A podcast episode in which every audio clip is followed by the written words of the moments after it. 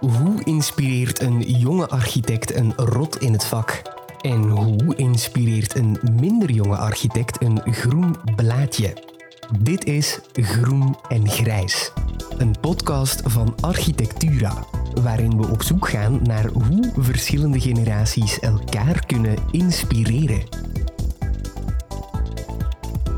Deze podcast wordt mede mogelijk gemaakt door Loxon, een fabrikant van smart home producten.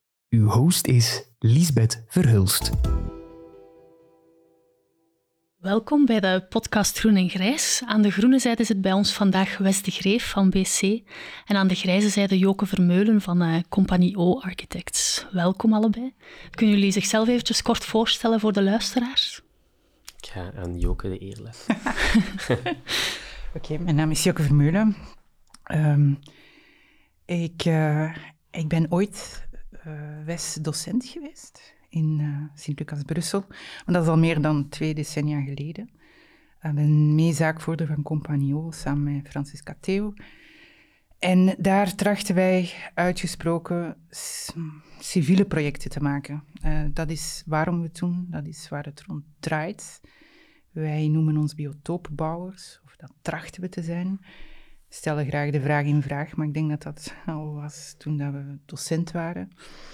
Uh, met biotoopbouwers zien we dat ruimer dan enkel voor mensen, dus ook voor volledige omgevingen. Um, wij zijn gul, trachten dat te zijn, maximalistisch, genereus en liefst met humor. Wij leiden een team dat wij trachten te empoweren. Je hoort dat ik vaak tracht zeg, omdat ik... Uh, dat aan anderen overlaat om te zien of dat we daar allemaal in slagen. Maar dat zijn toch minstens onze drijfveren. Voilà, ik denk dat dat zo ongeveer een kort intro is. Oké, perfect, Wes. Dus ik ben Wes de Greef van BC, Architects, Studies and Materials. Dat is een mond vol. Um, wij zijn een bureau dat ooit gestart is als architecten, maar dan ook ineens dacht van, laat ons ook gewoon wat meer onderzoek doen, omdat we daar echt wel heel veel mee bezig waren. Dus we hebben dat ook dat kind een naam gegeven. En uit die studies um, zijn we heel veel beginnen onderzoek doen naar aardematerialen en daaruit is dan BC Materials uit ontstaan. BC Materials is meer een, is niet echt een architectenbureau, geen studiecel, maar echt een bouwmaterialenbedrijf. Dus wij ontwikkelen zelf aardebouwmaterialen en brengen die ook op de markt. Dus dat is totaal iets anders. Dus wij zijn van architecten uh, beginnen spelen, maar dan ook echt materialen zijn beginnen maken voor de architecten, allee, voor iedereen eigenlijk. Ja, ja. ja, in de voorstellingsronde laten wij ook altijd de beide architecten elkaar voorstellen. Hoe kijken jullie naar BC en hoe kijken jullie naar uh, Compagnie O? Met veel bewondering naar BC. Ik denk uh, dat zij verschil maken. Um, en dat ze het ook heel, heel uh, slim spelen. Um, niet spelen, maar slim doen door uh, iets aan te pakken en daardoor um, heel sterk daarop te kunnen inzetten. Bewonder het feit dat het zo breed gaat, dat er onderzoek bij aan gekoppeld is. Bewonder uh, lef van Wes en zijn groep. Iedereen die daarbij betrokken is. En ja, ik ken ook al heel lang. Ik denk dat ik echt eerlijk kan zeggen dat Joke mij de interesse heeft leren kennen in architectuur. Ik weet nog altijd heel goed, eerste semester Sint-Lucas, eerste jaar, dat Joke mijn docent was. En dat ik toen nog niet 100% zeker wist wat ik wou doen of waarom dat ik het aan het doen was. Maar toen ook wel echt geleerd dat de eerste docent het verschil kan maken en dat is ook effectief. En Joke heeft me echt de goesting gegeven om voluit in die architectuurjob te springen. En ook echt alleen doen beseffen dat je echt moet kunnen springen en heel goed moet kunnen kijken om dingen te zien die je eigenlijk op voorhand niet zou denken te kunnen zien. Een mooi compliment, wow.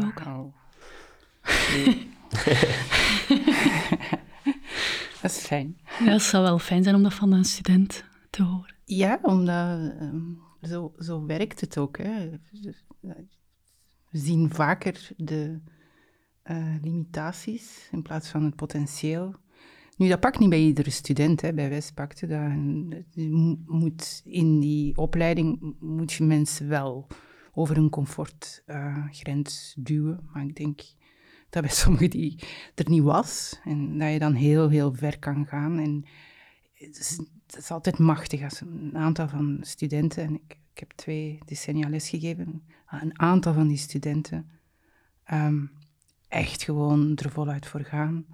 En geen begrenzingen zien um, die wij misschien wel met ons bureau wel zien en waar we tegen moeten vechten. Dus ik vind nogmaals, het is een heel slim parcours en een heel um, duidelijke keuze die gemaakt wordt. Ja, had je toen al gezien dat, dat hij die richting ging uitgaan? Ja. Ja. ja, we hadden net nog in de trein erover. Um, Zita. Eigenlijk kan je na twee weken, um, en dat kan Wes nu ook doen in zijn studentengroep, kan je aanduiden wie dat er uh, het heeft. Of wie dat het kan of zal kunnen. Um, en dat is, niet, dat is niet absoluut, maar er zit wel een, een grote waarschijnlijkheid in. Maar uh, de mooiste gevallen zijn degenen die in een bepaalde tijd daar dan het verschil maken waar je het niet in had gezien. En die dan mm. toch die delta maken. Dus dat is, dat is eigenlijk ook heel belangrijk voor architectuurdocenten, dat ze die openheid houden. Maar ja, bij sommigen loopt het gewoon over. Is duidelijk dat daar potentieel ligt dat gewoon moet, uh, even moet worden aangetikt. En dan zijn ze vertrokken. Ja. Maar ik denk zelf door besef wat de grote impact dat, is, dat een docent heeft op studenten, ben ik, dacht ik ook, eens dat ik afgestudeerd was, ik wil zelf ook gaan lesgeven. Om dat net zo die goesting te kunnen doorgeven. Mm. En het is ook wel echt, echt waar, in, zeker in het eerste jaar, dat je zo... Die komen binnen en je kunt dat direct zien, bijna. Van ja, Degene die daar zo op een heel specifieke of heel vreemde manier naar kunt durven kijken of kunnen kijken. En dat zijn degenen die u ook gewoon verwonderd kunnen laten staan van de blik dat ze daarnaar werpen. En uiteindelijk denk, zeggen ze ook altijd dat alles komt van de docent en naar de student gaat, maar ik vind dat dat in de omgekeerde zin enorm is. Hoeveel dat wij leren van studenten, dat is ook eigenlijk wel waarom dat we het doen. Allee, waarom dat ik het graag doe. Ja. ja, want jij geeft nu geen les meer. Hoe is dat mm. gekomen? Ja, ja het, het, werd te druk uh, met de projecten, maar uh, dat mis je. Dat, dat, mis je verschrikkelijk. Het is ook uh, een, een soort van speelveld. En uh, bij Compagno hebben we lang gedacht dat we dat atelier één op één konden transponeren naar een bureauruimte, of dan noemen ze het kantoor. Maar wij zagen dat altijd als een soort van ja, atelierruimte zoals we in Sint-Lucas en UZKUL hadden. En, en dat we maar dat is niet waar. Hè. Van het moment dat het echt uh, menens wordt, dan valt die soort van vrijheid heel vaak weg. Medewerkers voelen zich medewerkers. Mm. En wij zijn de bazen, terwijl dat we dat absoluut niet zo zien. um, maar daardoor valt die, die, die initiële verwonderingen waar je uit een student kan halen en wat hij u teruggeeft of zij u teruggeeft, wat zo puur is, dat valt soms uit een soort van ja, angst of conformisme weg. En dat mis ik ontzettend. Ja. Dat is pijnlijk dat je dat zegt, want ik heb net vorig jaar gezegd dat ik ook echt moet minderen met lesgeven. Dus ik ga nu enkel nog het tweede semester lesgeven om dan de balans te maken of het haalbaar is om het gecombineerd te krijgen. Maar ik mis het nu al en ik kan er heel hard in komen dat, mm. dat, dat je dat echt super hard mist. Ja, misschien dan uh, toch een signaal om te blijven doen. Ja. Als we tijd zouden kunnen kopen, al mijn geld zou daarnaar. Ja, nee, het is, het is heel moeilijk combineerbaar. Hè. Ze vragen een voorbeeldige praktijk uh, als uh, assistent of, of, gastprofessor. Maar uh, dat, is, dat is niet heel makkelijk. Dat is, ja. dat is een spreidstand die, die helemaal moeilijk ja, ja. kan ik me voorstellen. maken. Het is meestal zondag als je dan je agenda bekijkt en je telt het aantal uren dat je iets kunt doen en het aantal uren dat je zou nodig hebben om alles gedaan te krijgen. Dat is echt chockerend. Elke week opnieuw. ja, ja, ja. ja, jullie halen allebei inspiratie uit studenten, hoor ik jullie zeggen. Zijn er nog zaken waar, waardoor jullie zich laten inspireren? Als ontwerpers dan? Als ontwerper, eh, ja. omdat we net in de trein het erover hadden dat we ons ook laten inspireren door planten water geven en tomaten zien groeien. Uh, Het is eigenlijk raar, hè, maar ik haal minder inspiratie uit architectuur dan wel uit ehm, kijken en, en naar, naar biotopen kijken. Dat, Zoals tomaten zien groeien. Zoals tomaten zien groeien. Ja, dan moeten jullie er dan maar uitknippen, maar ik heb het experiment gedaan met tomaten kweken zoals mijn schoonvader zei dat ik tomaten moest kweken. Dat is wel een lijntje en die moet je dan duvelen en omhoog leiden, zodat die, zodat die heel naakt staan. En ik heb er dan een aantal vergeten. En ehm, de vergeten tomaten hebben een soort van bos gevormd. Vrije wilde tomaten, empowered tomaten. En die geven nu ontzettend veel tomaten, terwijl de andere Vlaamse tomaten, die zijn kapot gebrand tijdens de hittegolf. dus als een metafoor kan dat ja, tellen. Ja, ja. Vrijheid. Uh, ja, nee, nee, maar ook, eh, denk, inspiratie halen uit, uit woede soms. Um, voor de dingen die fout lopen, uit verontwaardiging, uh, uit uh, mooie kleine zaken. Hoewel dat ik niet van het oordeel ben dat alles vanuit kleine gestes moet komen. Daar, daar zijn we iets te maximalistisch voor. Het is eigenlijk niet gelimiteerd. Het is gewoon met je ogen open blijven rondlopen, volgens mij. Ik, denk, ik vind het eigenlijk wel grappig, zo van, die, van de moestuin, van de tomaten. Waarom dat ik ook graag in de moestuin werk, dat gaat supersnel. Dus je hebt na één seizoen een resultaat, terwijl als architect moet je soms jaren wachten. Ja. En dat is heel frustrerend. Dus dan is dat leuk om daar ergens een tegenbalans te geven aan iets dat wel snel gaat. ik denk dat jij een punt hebt. ik had het zo nog niet bekeken. Ja, dat is waar. Want je moet echt gewoon met de seizoenen meegaan. En dat is eigenlijk echt iets dat zo een oerinstinct is, dat we eigenlijk heel hard vergeten. En als je in de moestuin mm. bezig bent, dan moet je daarmee bezig zijn. Ja, dat is waar. En ik denk ook zo, allee, voor mij van waar ik inspiratie uit haal, is heel hard zo de echte ambacht. Mm. Zo, hoe dat iets gemaakt wordt. En iemand die met hart en ziel iets aan een vak kan, daar kan ik echt heel veel bewondering voor hebben. En dan bijna architectuur maken voor die persoon bijna. Of rond een materiaal die op zo'n tactiele manier bewerkt wordt. Dat vind ik iets dat heel hard ontbreekt nu, of wat ik heel hard mm. mis in de architectuur. En ik hoop dat we daar op termijn heel hard terug naartoe kunnen gaan, naar echt zo het maken van, de, zoals wij het zeggen, de act of building, terug in de architectuur krijgen. En ik denk dat de nieuwe generatie daar heel hard mee bezig is. Mm. Bijvoorbeeld dat een materiaal, dat was eigenlijk absurd, maar bijvoorbeeld ik had eens op, aan de studenten gevraagd van waar komt dat hout? Dat was zoiets heel specifiek. Bijvoorbeeld Sipo komt uit Afrika. En ik vroeg van waar komt dat, dit hout? En die zeiden vanuit de winkel. Ja, maar ja, dat komt wel van een boom, maar van waar dat ergens oorspronkelijk komt, dat is zo kwijtgeraakt. En ik hoop dat de nieuwe generatie daar echt veel meer mee bezig is. Wat ik nu ook wel merk aan de mhm. studenten dat zij mee bezig zijn. Dus we zitten wel op een, goede, op een goed spoor, denk ik, qua architectuur. Maar de nieuwe generatie gaat daar echt terug volledig anders mee moeten omgaan, denk ik. Ja, ja. Dat gaan we ook inderdaad later nog uh, kunnen bespreken bij de uitdagingen voor de toekomst. Um, het volgende item is ja, grote ogen. Waar zijn jullie het meest van onder de indruk bij elkaar? Bepaalde projecten of manieren van werken? Ik vind uw scholen in Afrika fantastisch. Toen je die begon te zien, publiceren, vond ik die zo sterk.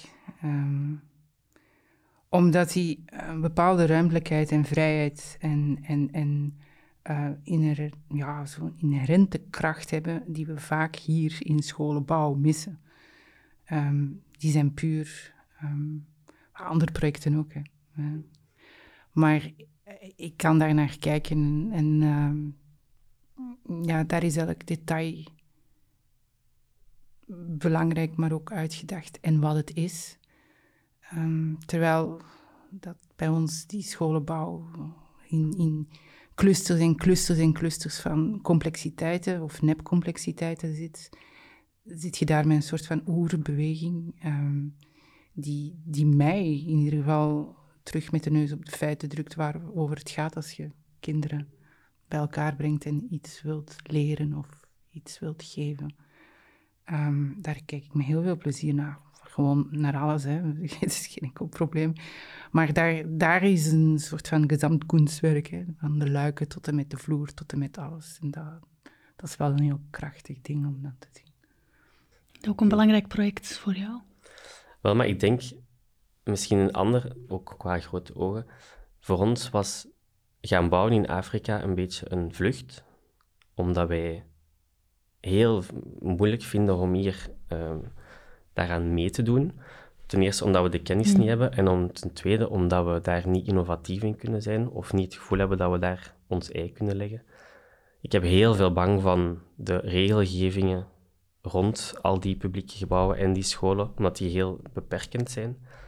En soms kan ik, kan ik er gewoon niet in meegaan. Bijvoorbeeld mm. ook, dat waren we ook op de trein aan het bespreken, de regelgevingen rond EPB en passiefbouw, dat is een titel dat iets gegeven wordt. Dus je moet daaraan voldoen, maar er is niemand die zich nog een vraag stelt, is dat nog oké? Moet een school passief zijn? Tuurlijk, dat is interessant, zeker omdat dat weinig energie verbruikt, maar zou het niet leuk zijn dat een school ook de kinderen naar buiten stuurt? En als het hm. koud is, dan is het in school ook wat koud. Als ze leren dat ze een pil moeten aandoen. Terwijl dat wij nu kinderen zo aan het opleiden zijn, dat wij ubermensen zijn en dat wij beslissen hoe dat de wereld rond, rond ons moet draaien. Misschien moeten we de kinderen leren dat wij in de wereld moeten gaan staan en dat niet alles rond ons draait. En hebben jullie soms al voorstellen ingediend voor scholen bijvoorbeeld, die heel de eh. opdracht in vraag stelt? Dat, dat, gaat niet, hè? Nee, dat gaat niet. En dat is ja, dat, dat, daarmee dat wij vluchten. Ja, okay. En daarmee dat wij uh, continu daartegen vechten. Ja, ja. Dus allee, er is voor beide houdingen niets te vinden. Hè. Wij zijn er gewoon ingestapt en uh, zijn ons heel erg bewust van alle uh, normen en alle absurditeiten die daar rond zitten. Sommige niet zo absurd. Brandnorm is brandnorm. Hm. Maar de comforteisen naar akoestiek. Um, we hebben school gemaakt die volledig volgens de akoestische norm was, maar waar dat dan leerkrachten zeiden, het is te gedempt. En dan denk ik, wat, wat zijn we ons kinderen aan het watteren of zo? Hè? Kunnen, die, kunnen die niet om met een gesprek vier meter verder? Of met een gemeenschapsruimte die, die misschien... Wij moeten luifels, buitenluifels maken die akoestisch dempend zijn. Maar kunt je dat nu voorstellen, dat je een buitenluifel maakt op een speelplaats die akoestisch dempend is? Dat is absurd, dat is, dat is verder over, zeker als je de context ziet waarin dat we nu leven en hoeveel dat we voor die kinderen over hebben, kwestie van een klimaatcrisis die eraan komt, dan vind ik een akoestische luifel vind ik echt... Uh, uh, naast de kwestie, maar geheel naast de kwestie. Dus ik snap het, uh, maar wij, zijn, wij hebben gekozen. Ik weet niet of dat we gekozen hebben, of dat we er min of meer zijn ingerold, omdat we zijn al twintig jaar bezig met scholen en die eerste scholen hadden al die normen niet. Dus kon je daar nog wel heel snel experimenteel in zijn. Maar hoe, hoe, langer dat je kwam, hoe meer dat er checklijsten kwamen en dat blijkbaar een architectuurproductie niet meer was dan een problem-solving van 50, 60, 70 checks die je moest maken, van EPB naar, naar, naar nog naar ventilatie. Maar het is allemaal op zich wel relevant, maar het is uit zijn context getrokken. Core business um, is uh, ondergesneeuwd en dat moet terug omhoog gehaald worden. Dus wij vechten. Maar ik denk dat het, en misschien ben ik een beetje aan het voorlopen op, op de rest dat komt, maar we denken dat een volgende generatie en keuzes uh, gaat maken dat dat moet veranderen. Dat, ja, het lijkt wel of de jonge generatie dat wel meer in vraag durft te stellen allemaal. Ja, maar ze moeten ook vallen, hè, die regels. Ja, ja. En daar is meer nodig dan in vraag stellen. Dat is echt uh, maar politieke keuzes, maar ook... Ja, misschien dat er op lange duur geen architecten meer zijn, of dat alle scholen echt heel... Uniform worden en dat er dan wel conclusies worden getrokken. Maar ik vrees van niet. Ik, ik denk dat we echt aan die boom moeten schudden. Nou, dus de jonge generatie uh, heeft veel werk voor de boeg. Maar ik denk zelf, als je nu kijkt naar de studenten op school, die zijn daar nog meer in vraag aan het stellen. Mm. Dus ik ben echt zo benieuwd als die in het vak gaan staan, hoe hard dat die met een boom gaan schudden. Ja. Want wij proberen het al een beetje, maar ik denk dat de volgende generatie dat heel hard gaat doen. En ik hoop echt dat ze dat heel hard gaan doen. Nou, We zijn alvast uh, benieuwd naar uh, hoe dat er over tien jaar of twintig jaar Misschien, misschien kunnen we nog eens uh, afspreken. En, een podcast maken ja. over Baby Rose of zoiets. Baby ja. ik hoor hier al wat overeenkomsten tussen jullie. Zijn er ook verschillen? Ja, het feit dat, dat, dat wij um, in de jaren negentig uh, enkel nog maar een beetje zure regen hadden, denk ik. En dat wij de generalisten zijn gebleven die eigenlijk van ons verwacht was. De, de architect die alles overziet. Uh, we zijn daarin gegroeid en wij hebben dat nooit in, in, in vraag dan gesteld. We zijn gewoon blijven doorgaan. Projecten werden groter uh, en complexer.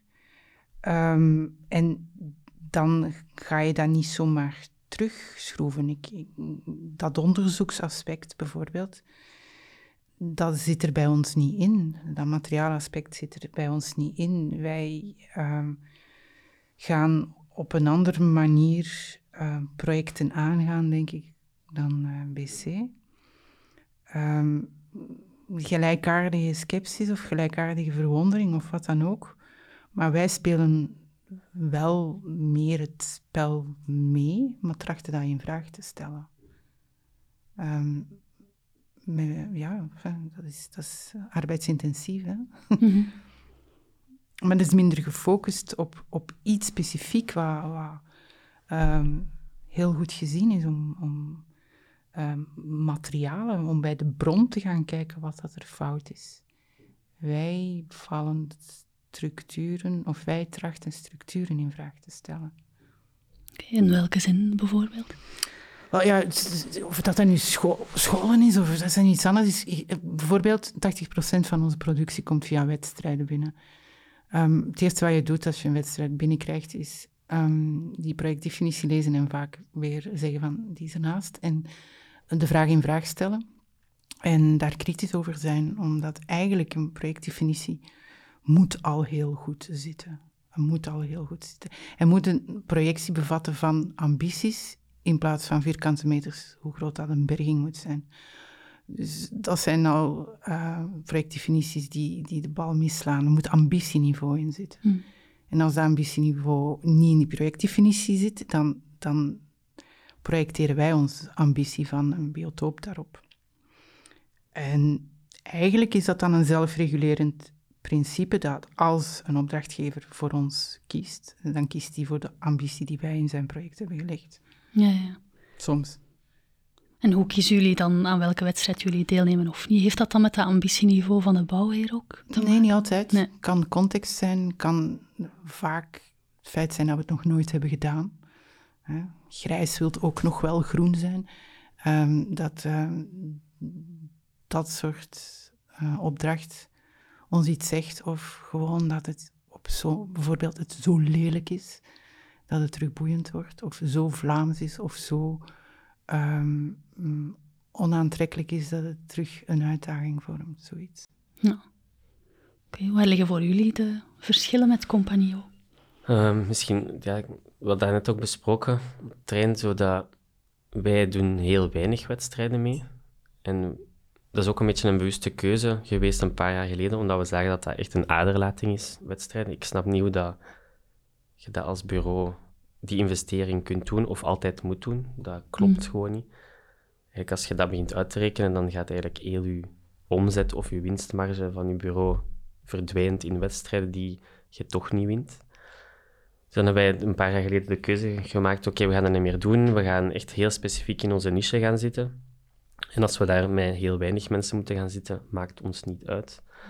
Maar we hebben wel gemerkt dat, omdat we heel specifiek kiezen voor die materialen en ook voor het circulaire idee, dat je zo weinig mogelijk afbreekt, alles probeert te, gebruiken wat er is, merken we nu wel dat, we, dat er heel veel vraag komt. En nu zitten we met het idee dat we moeten weer beginnen kiezen in de vragen die we krijgen. Dus puur qua wedstrijd doen wij niet zo vaak.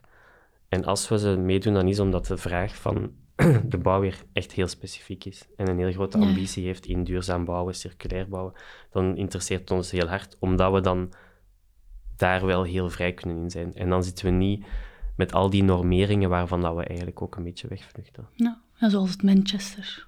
Bijvoorbeeld Manchester, dat is een project in Brussel dat Dus nu het, uh, het uitbreiding van recyclaar.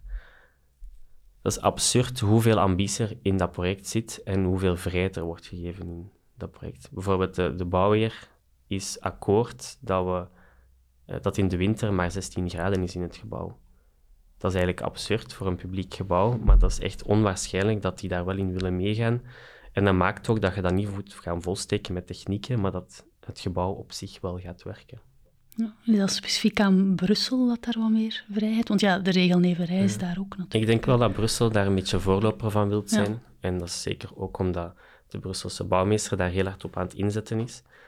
Dus dat past wel in ons kraam. Mm. En dat is zeer leuk om daar mee aan te kunnen denken en aan te kunnen bouwen, om ook echt wel die regelgevingen te gaan omzetten en dat te gaan veranderen. En misschien zijn die projecten ook van die pilootprojecten dat ook gaat aantonen dat het ook wel anders kan. Mm. En dan vind ik het ook wel interessant om daaraan mee te werken. Ja, jullie zitten in Gent. Is dat toch nog anders dan Brussel op dat uh, vlak? Want die zijn ook wel bezig met... Uh... Ja, wij, wij, zitten in Gent, maar het is niet onze productie nee, dan nee. in Gent zitten. We, we zitten daar eigenlijk eerder toevallig. Ja. op de korenmarkt. Um, nee, wij zitten meer met die Vlaamse context bezig. Um, Brussel is uh, toch nog een aparte context, waar, Mm. waar we wel graag eens uh, zouden uh, werken en waar we mee bezig zijn om, om daar ook wel eens te komen piepen, omdat inderdaad daar denk ik al een stap verder is. Op bepaalde momenten gaat je er, gaat architectuur um, en, en wordt dan problem solving. En als de problem solving niet meer opgelost geraakt, dan zit iedereen met de handen in het haar en dan wordt er naar een architect gekeken. En dan, dan krijgt ons beroep weer een. Uh, hey, dan uh, lijkt het mij weer leuk. Inderdaad. Uh, bij, in Vlaanderen is dat nog niet zo. Integendeel, ik denk dat er nog meer structuren komen en dat het nog logger wordt. Maar of dat er nu in Brussel een kentering komt of ergens in Vlaanderen, doet er niet toe. Wij we zijn, denk ik, hier, uh, wij zijn en ik, BC en Compagno, zijn het erover eens dat architecten terug aan, in, in zo'n proces aan belang moeten winnen in een soort van no-nonsense generalistische houding. Het is niet normaal dat je gebouwen maakt die inert 21 graden moeten zijn en dat daar een hele hoop uh, technieken aan verbonden zijn die eigenlijk niet meer een nut gaan hebben. We moeten die dingen terug breder gaan opentrekken en dat gaat ten koste van heel veel dingen tegenstrijdige, ogenschijnlijk tegenstrijdige comforteisen die we moeten loslaten. Comforteisen en andere eisen om terug architectuur in het midden van een gemeenschap en gemeenschapsleven te kunnen krijgen. Terwijl dat we nu naar marge zijn gedrongen. Ja, dus de architect moet meer terug... Uh, de, de waarde van architect moet terug uh, hoger ingeschat worden. Niet de eerste zijn die dat zeggen, dat nee. zullen ongeveer alle architecten zeggen. Um, er is verschil tussen zeggen en het doen. Hè. Ik bedoel, uh, hm. je kunt op verschillende fronten vechten en kleine Pyrrhus-overwinningen halen. Um, maar ik zie nog niet één grote beweging die terug claimt dat, um, uh, dat bepaalde privatiserende formules, zoals design en beeld, dat dat niet altijd het beste is om als architect uw, um, uw plaats terug te eisen. Hm. Integendeel. Ja, is dat iets waar jullie elkaar in kunnen bijstaan en kunnen versterken? One way de... or another. ja. ja. Ja, het maakt niet uit aan, aan, op welke manier dat je terug uh, die, die plek opeist. Of dat gaat door heel conscientieus een heel duidelijk statement te maken over de circulariteit en materiaal. En niet circulariteit als een, een containerbegrip te zien, waar dat je mm.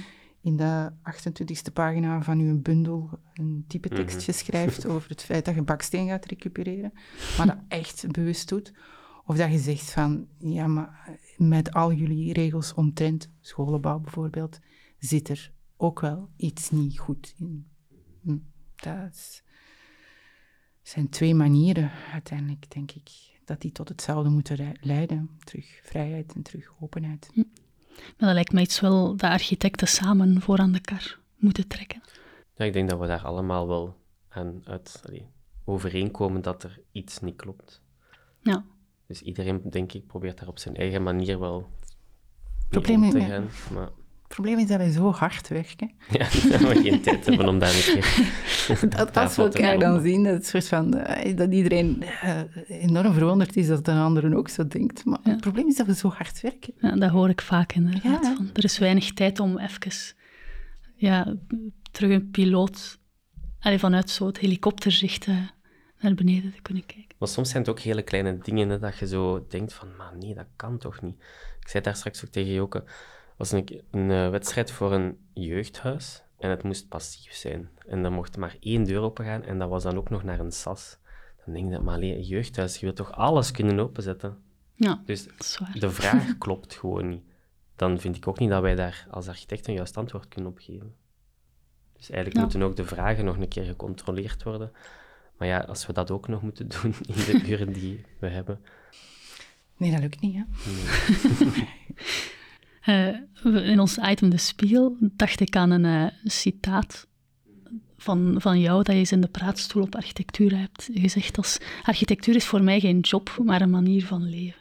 Dat lijkt mij zo wel iets dat jullie allebei, als ik jullie zo met overtuiging hoor spreken, iets dat jullie wel delen. Ja, ik, ik heb altijd schrik zo van een job, dat je dat dan moet gaan doen. En ik denk als architect dat je dat... Je doet, je doet dat niet omdat je dat moet doen. Dat is, je doet dat omdat dat het enige is dat we bijna kunnen of zo. ik zou super graag bijvoorbeeld ook een keer een jaar schrijnwerker zijn of metser of zo. Maar laat die vakmannen dat maar doen en laat mij dan maar met bewonderingswaardige ogen kijken van hoe goed dat die dat kunnen. Ja. En dan ook proberen werk te genereren voor hun. Maar architectuur een job, nee, ik vind dat moeilijk om dat zo te labelen. Ja, Dat is het niet. Dat is het niet. En ik denk dat daar ook de soort van romantische aantrekking van...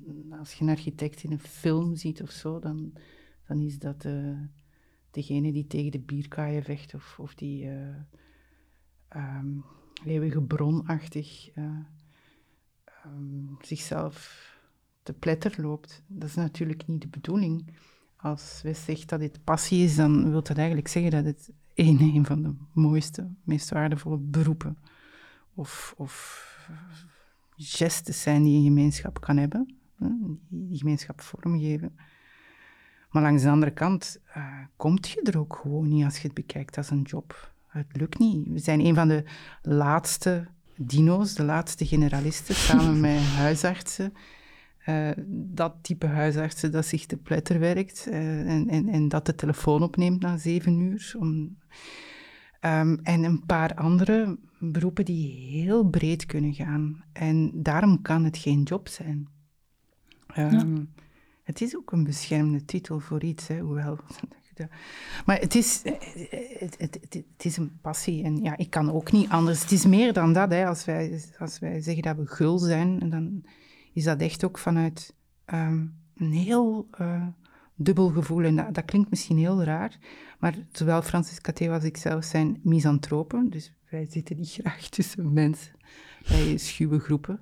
Um, maar we zijn mislukte misantropen, want we observeren heel graag. En dat observeren, dat doet je 24 uur op 24. Je kijkt naar wat er om je heen uh, gebeurt en je, je gebruikt continu je ogen en al je zintuigen om dat vervolgens ergens op te slaan waar dat je dat ooit in je praktijk of in een ontwerp kunt uh, gebruiken. Dus die, die, die zintuigen die staan gewoon continu open op architectuur. Met doordrongen, denk ik. Ja. ja ik vind dat ook soms kijk, als ze vragen van wat doet jij als beroep, en als je dan zegt van architect, dan vragen ze, ah, gewoon of interieur? dan denk ik, wauw, hoe kun je het dan zo klein bekijken? Allee, zoals dat ook gezegd, architect zijn is zo breed, dat ja. je moet daar volledig gaan instaan met beide voeten, want anders kun je dat niet. Ah, vragen ze aan u, aan u ook? Ja, dat aan mij vragen ze omdat ik een vrouw ben. Van, maar ik denk dat dat gewoon zo in de, bijna een automatische reflex is van ah, gewoon, gewoon of of interieur. Ja. Ook zo gewoon. gewoon. gewoon wat is, wat ja. is gewoon? Is... ja. ja. Welke tendensen merken jullie bij de andere generatie? Ik denk dat er heel weinig nog uh, jumpen voor hun eigen beroep, omdat ze zien wat, een eigen, sorry, een eigen beroep, een eigen praktijk, omdat ze zien wat dat het uh, kost in, in mensentijd. Hè, hoe, uh, hoeveel dat je ervoor moet over hebben. Ze gaan meer in grote bureaus werken die al bestaan. Een deel. Ik, ik weet eigenlijk niet of dat je dat generatiegesprek uh, zo erg moet voeren. Ik denk dat genetisch ik niet veel verschil van West, niet veel verschil van iemand die nu architectuur uh, of interieurarchitectuur aan het doen is. Ik denk dat de context enorm veranderd is. Hmm. En, en ik hoop, en dat is iets waar wij vaak over bezig zijn, Francis en ik. Uh, ik hoop dat die volgende generatie nog een volwaardig uh, goede toekomst heeft. En ik wil hier echt niet de scepticus uithangen, maar uh, ik maak mij wel als 53-jarige, zonder problemen, um, veel zorgen over die jonge mensen en hoe dat over tien jaar um, het hier gaat zijn. En, en, er is heel veel entropie, uh, er is heel veel frictie aan het komen. En ik zou begot zelf niet weten, mocht ik nu 23 zijn, hoe ik mij daartoe moet verhouden. Het is enorm complex. Ik, ik zou nu niet graag in de schoenen van een 23-jarige staan. En soms is dat um, heel confronterend als je dat zegt, want dan lijkt dat op escapisme. Ah ja, die heeft al 53 jaar gehad. Niet dat alles uh, roze geur en maneschijn is geweest. Maar ik denk dat onze generatie zich wel bewust is, en zeker uh, de mensen die nog iets ouder zijn, dat wij het makkelijker, voor, wij het makkelijker hebben gehad dan de, de, volgende. En dat is de eerste keer in zeer lang dat dat gebeurt. Dat wij het makkelijker hebben gehad dan degene die er nu voor staan. En dat vind ik een vrij harde um, constatatie. Hm. Heb jij dat gevoel, Wes? Nee, want ik, ben eigenlijk, ik vind ook dat wij het heel makkelijk hebben. ja, ik denk zelf dat wij het misschien zelf makkelijker hebben nu dan jullie. Allee, van, wanneer dat jullie gestart zijn, denk ik. En ik denk dat de volgende generatie het wel moeilijker gaat hebben dan, dan wij nu. Dus ik maar ik denk dat wij ook zo niet, niet, zoveel, niet zoveel verschillen. in, misschien in leeftijd, maar in, ik weet niet hoe dat we in de architectuur zijn of waar dat we nu ergens staan. Dus ik ben mij ook bijna een beetje mee aan het bijvoegen bij de oudere generatie. Ik, ik vind dat wij het heel makkelijk hebben. Dat is heel vreemd om dat ze te zeggen, maar wij zitten wel in België er is een architectuur scene, er wordt hm. gebouwd, dus je moet ervoor appliceren. Maar uiteindelijk, je kunt ervoor kiezen. En ik denk dat er werk genoeg is op dit moment. Hm. Maar ik vraag mij af of dat, zeker nu met de materialencrisis en zo, dat de volgende generatie nog effectief zoveel werk gaat hebben. En als ik zie het aantal studenten dat elk jaar verhoogt, ik denk, tien jaar geleden ben ik begonnen. En ik denk dat we zeker nu aan drie, drie dubbel zoveel eerstejaarsstudenten zitten, dan vraag ik me af, waar gaan die allemaal werken? maar hopelijk zijn het allemaal mensen die in het vak gaan staan en ook gewoon mee op de werf gaan, gaan bouwen, zoals dat we vroeger ook de masterbuilder waren. Dat was een architect die de kathedraal uittekende, maar die ook zelf op de werf ging gaan staan, die alles deed. Misschien gaat de volgende generatie ook meer zo zijn. Ja. Zelf gaan bouwen. Ja, er ligt natuurlijk ook nog een grote uitdaging in het bestaande omvormen. Daar zijn ook architecten voor nodig. Uit. Maar daar heb ik zoiets van, het, het bestaande omvormen, soms moeten we ook gewoon omarmen dat het bestaande misschien wel al zeer goed is. En moeten we het niet altijd gaan omvormen. Want dat is een volledige andere kwestie. Ja. Dat is ook weer zo, moeten we een oud gebouw vol met technieken gaan rammen? Misschien is het oude gebouw al 100 jaar goed en is het voor de volgende 100 jaar ook goed. En moeten we het niet keihard gaan omvormen. Ja. Ja, wij, ik woon in, in een uh, stuk oude loodfabriek. Geen loodfabriek. Dat eigenlijk niet EPB-plichtig uh, was, omdat het erfgoed was. En als het waait, dan waait het door ons huis. Dat is geen enkel probleem. Dan doet je een sjaal aan. Ja. Het, is een, het is een cliché, maar ik bedoel, we moeten daar iets versatieler in zijn. Ik hoop dat de volgende generatie dat, dat wel kan. Hè. Dat zijn geen uh, kastplantjes, serreplantjes. Uh, net zoals wij, wij hebben ooit een topsportschool gebouwd en... Uh, toen we daaraan kwamen en we zagen dat die, dat die beren van gasten en, en die stevige vrouwen, dat die in containerscholen zaten en dat die daar ongeveer in hun ondergoed rondliepen, toen had je ook zoiets van, waarom moeten wij een passief bouwschool maken waar dat 21 graden uh, continu gehaald moet worden? En, en waarom is een passief bouw zo moeilijk om een raam te voorzien. Dat zit in het midden van een, een fort waar dat je de lente wilt ruiken. En dat klinkt allemaal naast de kwestie, maar dat is dat niet. We moeten ietsje comfort lossen. Uh, er, is, er, zijn nog een paar continenten die iets dichter bij ons willen opschuiven en die ook soms eens een keer uh, lekker eten willen hebben. Dus uh, moet u daar geen illusies in maken, dat, dat komt. En als we daar niet op voorbereid zijn hoe dat we dat gaan aanpakken, die herverdeling, dan stellen we ons zwak op. Dus uh, ik hoop, denk het wel dat die generatie dat doorheeft. Mm.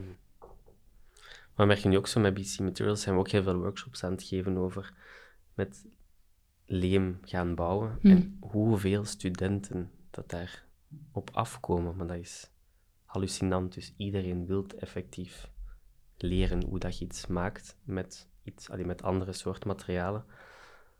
En ik denk ook dat misschien op een school dat misschien wat mist, de kennis over zo anders gaan bouwen.